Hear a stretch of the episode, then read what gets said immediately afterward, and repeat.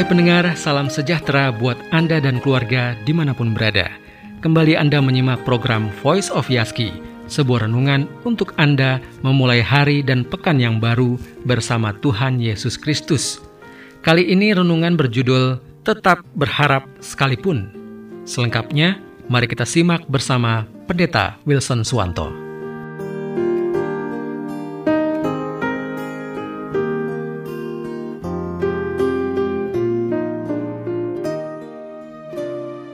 Saudara yang terkasih, firman Tuhan dalam Roma 4 ayat 18 sampai 19 berkata demikian.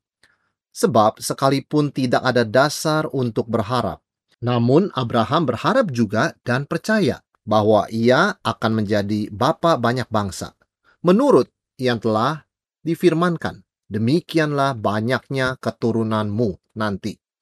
Imannya tidak menjadi lemah walaupun ia mengetahui bahwa tubuhnya sudah sangat lemah karena usianya telah kira-kira 100 tahun dan bahwa rahim Sarah telah tertutup. Tahun 2010 ada sebuah gempa bumi yang menimpa negara Haiti di mana ada kira-kira 250 ribu orang menjadi korban meninggal dalam bencana alam tersebut. Dan para pekerja sudah berusaha semaksimal mungkin, tetapi ketika mereka berusaha menggali reruntuhan untuk mencari orang-orang yang masih hidup, mereka mulai putus asa. Karena pada hari keempat sudah timbul bau yang tidak sedap, bau jenazah manusia. Sehingga pada hari kelima beberapa dan banyak sudah menghentikan pencarian akan korban yang hidup. Mereka merasa tidak mungkin ada orang hidup. Tetapi ada sebagian orang yang tetap mencari. Hari ke-6 menggali, mencari. Hari ke-7 sampai hari ke-8 di saat mereka sedang mengangkat puing-puing itu, sayup-sayup terdengar suara seperti seorang anak laki, anak kecil yang minta air. Maka Pekerja itu memanggil teman-temannya untuk memastikan bahwa memang bukan hanya dia yang mendengar suara itu. Dan benar saja ternyata teman-temannya juga mendengar suara anak tadi dan mereka bersama-sama mengangkat puing-puing di lokasi tersebut dan akhirnya mereka bisa menyelamatkan seorang anak yang berusia tujuh tahun. Anak itu dikenal dengan Miracle Boy, anak mujizat. Karena ketika hari keempat sudah bau jenazah yang muncul dari reruntuhan itu, pengharapan itu sudah sangat tipis bahkan tidak ada. Tetapi ada satu dua orang pekerja yang tidak menyerah dan tetap berharap sekalipun sepertinya sudah tidak ada pengharapan. Memang mudah bagi kita untuk berharap ketika kalkulasi kita itu positif. Misalnya ketika kita berada dalam kesulitan keuangan, tetapi atasan kita kemarin berkata bahwa gaji kita akan dinaikkan, kita akan ditambahkan bonus di akhir bulan, maka tentu saja mudah bagi kita berharap karena kita tahu pada akhir bulan kita akan surplus. Sekalipun hari ini sedang pas-pasan atau bahkan defisit. Yang sulit adalah kalau perhitungan di atas kertas itu minus atau sulit atau sangat-sangat kecil kemungkinannya. Bayangkan ketika seorang dokter berkata kepada pasiennya, "Kami tidak tahu kamu menderita penyakit apa." Berpuluh-puluh tes, berpuluh-puluh kunjungan sudah dilakukan, uh, gejalanya tidak hilang dan kami juga tidak tahu ini penyakit apa. Kami hanya menduga-duga penyakit A, penyakit B, penyakit C dan sebagainya. Dalam keadaan demikian, pasien mudah sekali putus asa karena dokter yang paling ahli sekalipun yang pernah dia konsultasi tidak tahu apa yang sedang terjadi di dalam badannya. Tetapi di sinilah indahnya pengharapan Kristen. Pengharapan Kristen adalah pengharapan yang tetap hidup sekalipun secara manusia. Tidak ada dasar untuk berharap. Itu sebabnya di dalam Roma 4 ayat 18 tadi yang kita baca, berbicara mengenai Abraham, itulah pengharapan Abraham, pengharapan seorang anak Tuhan. Di dalam firman Tuhan itu dikatakan yang kita baca di awal tadi, sekalipun tidak ada dasar untuk berharap. Secara gamblang boleh dikatakan sebetulnya sudah tidak ada harapan. Namun Abraham tetap berharap dan percaya. Inilah pengharapan Kristen. Pengharapan Kristen bukan didasarkan pada kalkulasi manusia dan di mana pengharapan itu hidup kalau kalkulasinya itu plus dan pengharapan itu mati kalau kalkulasinya minus. Pengharapan Kristen adalah pengharapan yang tertuju kepada Tuhan apa pun hasil kalkulasi atau perhitungan secara manusia. Dan kita bisa melihat prinsip ini di dalam kehidupan dalam situasi Abraham. Secara kalkulasi manusia, Abraham dan Sarah sudah sangat tua. Tidak ada harapan punya anak. Mereka sudah melampaui usia produktif untuk punya anak, khususnya Sarah. Rahimnya sudah tertutup. Sehingga secara manusia, secara kalkulasi atau perhitungan manusia, kita boleh berkata Abraham dan Sarah, kalian sudah tidak mungkin punya anak lagi. Secara medis tidak mungkin, secara biologis juga tidak mungkin, dan tidak ada jalan dengan teknologi apa pun, kalaupun ada teknologi pada waktu itu, untuk membuat kalian bisa punya anak. Tetapi di sinilah indahnya firman Tuhan yang mengajarkan arti pengharapan sejati kepada kita. Sekalipun tidak ada dasar untuk berharap, namun Abraham berharap juga dan percaya. Ini yang dimaksud di dalam bahasa Inggris dengan istilah hope against all hopes. Berharap meskipun menghadapi situasi yang tidak ada harapan. Kalau tidak ada dasar untuk berharap, mengapa Abraham tetap berharap? Bukankah dia sedang membohongi dirinya? Bukankah dia ini sedang menghayal atau berfantasi? Tidak. Alkitab mengatakan pengharapan Kristen bukanlah fantasi atau delusi orang yang berharap sesuatu padahal tidak mungkin. Bukan. Bukan itu pengharapan Kristen. Sebab Abraham tetap berharap sekalipun tidak ada harapan atau tidak ada dasar untuk berharap, bukanlah fantasi atau ambisinya dia. Bukan. Tetapi apa dikatakan? Firman Tuhan. Kita baca satu kali lagi apa yang firman Tuhan tadi katakan. Sebab sekalipun tidak ada dasar untuk berharap, namun Abraham berharap juga dan percaya bahwa ia akan menjadi bapak banyak bangsa menurut yang telah difirmankan.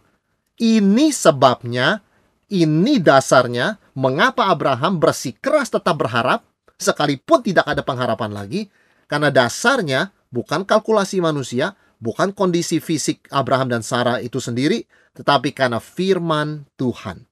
Yang di mana Tuhan berfirman, demikianlah banyaknya nanti keturunanmu. Empat kata firman Tuhan itu Abraham pegang. Sekalipun kondisi fisiknya dan Sarah sudah tidak memungkinkan menjadi orang tua atau mempunyai keturunan secara biologis.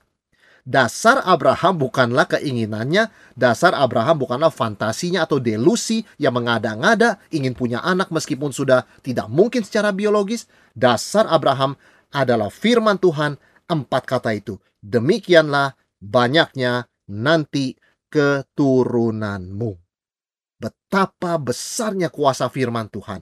Itulah jangkar bagi pengharapan kita. Itulah dasar bagi pengharapan kita. Apa yang Tuhan sudah firmankan, kita pegang itu sekalipun di depan mata kita melihat. Yang terjadi sedang sebaliknya.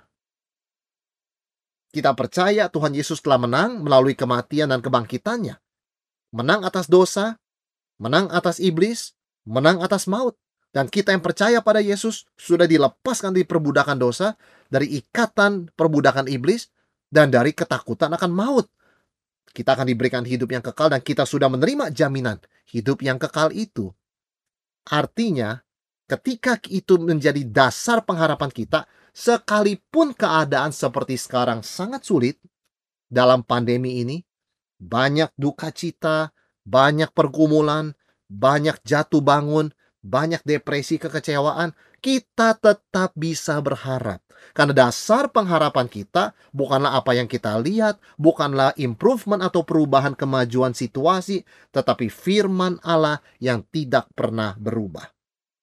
Injil Yesus Kristus. Coba kita perhatikan betapa besarnya kuasa kata-kata manusia. Ketika ada seorang anak yang akan ditinggal pergi oleh papanya, karena papanya seorang tentara, dia pergi ke medan perang. Anak itu tidak rela papanya pergi, tetapi papanya menenangkan dia dengan satu perkataan. Nak, papa hanya pergi satu bulan. Bulan depan papa akan kembali. Papa akan tetap bersama kamu dan membawakan kamu sebuah hadiah. Anak itu tidak lagi sedih. Anak itu merelakan papanya pergi ke medan perang. Padahal tidak tahu apakah akan kembali bulan depan atau tidak, mengingat ini adalah peperangan, kemungkinan terluka bahkan terbunuh sangatlah besar. Tetapi anak itu begitu menjadi ceria setelah mendengar perkataan papanya, kemudian dia menghapus air matanya, dia bercerita kepada teman-temannya dan gurunya, Papa saya pergi membela negara, tapi bulan depan dia akan datang kembali dan dia akan membelikan saya sebuah hadiah dari luar negeri. Bayangkan saudara sekalian, perkataan seorang ayah yang hanyalah manusia biasa bisa mengubah mood, bisa mengubah sukacita dan kehidupan dan prospek pandangan dari seorang anak. Betapa berkuasanya firman Tuhan yang adalah perkataan yang diucapkan Tuhan sendiri. Yang dengannya Tuhan menciptakan langit dan bumi dan segala isinya. Dari tidak ada menjadi ada. Yang dengannya Tuhan membangkitkan orang mati seperti Lazarus. Memberikannya hidup kembali yang dengannya dia menyelamatkan kita. Mengubah orang berdosa menjadi anak-anaknya yang terkasih. Kalau kita begitu memegang perkataan manusia, janji manusia begitu berharga di hati kita. Ketika atasan kita menjanjikan promosi, kita pegang kata-kata itu sangat menghibur. Ketika orang yang kita kasih akan berpergian, kita pegang janjinya akan kembali. Betapa lebihnya kita harus berpegang dan menghargai setiap kata-kata di dalam firman Tuhan yang adalah janjinya juga. Demikianlah banyaknya keturunanmu nanti. Kalau empat kata itu cukup untuk membuat Abraham tetap berharap sekalipun tidak ada dasar untuk berharap, maka seluruh firman Tuhan dari perjanjian lama sampai perjanjian baru, 66 kitab, memberikan kita dasar yang sangat kokoh, sangat komplit, sangat sempurna untuk tetap berharap dalam segala keadaan. Kita bukan membaca dan berpegang pada perkataan manusia. Kalau kita bisa bahkan terhibur, tersentuh oleh perkataan manusia, betapa luar biasanya janji Tuhan di dalam firman-Nya. Kita hanya perlu percaya apa yang Tuhan katakan itu benar. Dan itu adalah firman Tuhan dan itulah dasar pengharapan kita. Di sini kita melihat hubungan yang erat antara iman dan pengharapan. Karena dikatakan di dalam ayat 19, imannya tidak menjadi lemah. Walaupun ia mengetahui bahwa tubuhnya sudah sangat lemah. Dan kembali ke ayat 18 tadi, firman Tuhan mengatakan dalam Roma 4, sekalipun tidak ada dasar untuk berharap. Perhatikan. Namun Abraham berharap juga dan percaya pengharapan, berharap, percaya, iman. Di sini kita melihat hubungan yang erat antara iman dan pengharapan. Ketika kita percaya kepada firman Tuhan, itu disebutnya kita percaya dengan iman. Karena iman timbul dari pendengaran akan firman Tuhan.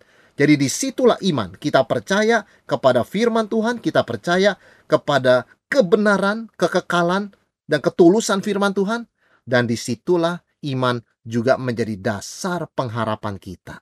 Karena kita percaya Tuhan itu setia, Tuhan itu kasih. Dan di sini kita menemukan rangkaian yang ketiga, iman, pengharapan, kasih. Kita beriman kepada firman Tuhan dan janjinya. Dan dengan dasar itu kita tetap berpengharapan sekalipun secara manusia tidak ada harapan. Dan di atas semuanya kita tahu Tuhan mengasihi kita apa yang dia firmankan lahir dari kasihnya kepada kita. Bukan untuk membohongi kita, bukan memberikan kita harapan palsu, harapan kosong, tapi untuk memberikan kepada kita satu masa depan yang pasti. Satu kepastian akan hidup yang berlimpah di dalam Kristus dan hidup kekal sampai selama-lamanya.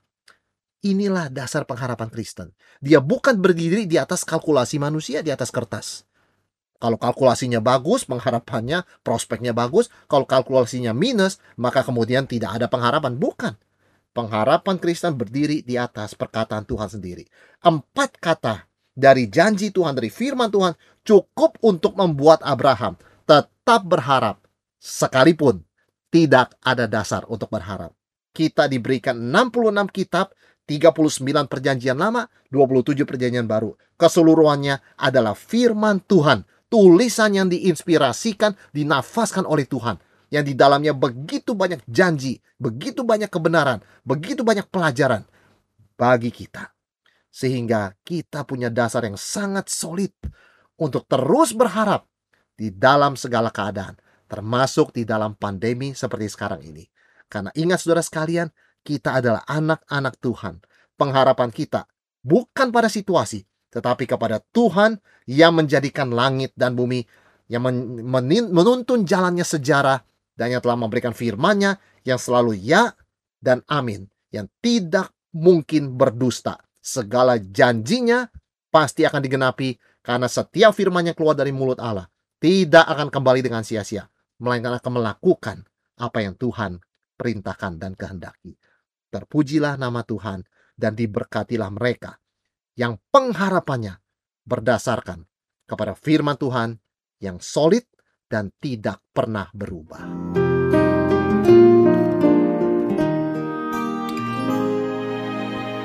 Demikian Voice of Yaski bersama Pendeta Wilson Swanto berjudul Tetap Berharap Sekalipun. Anda dapat kembali menikmati atau bahkan membagikan renungan ini melalui akun Spotify Voice of Yaski Sekali lagi, akun Spotify Voice of Yaski. Bila Anda ada pertanyaan atau kesaksian seputar renungan kita kali ini, silah kirimkan pesan Anda melalui WhatsApp di 0855 885 1006. Selamat beraktivitas dan salam sehat selalu.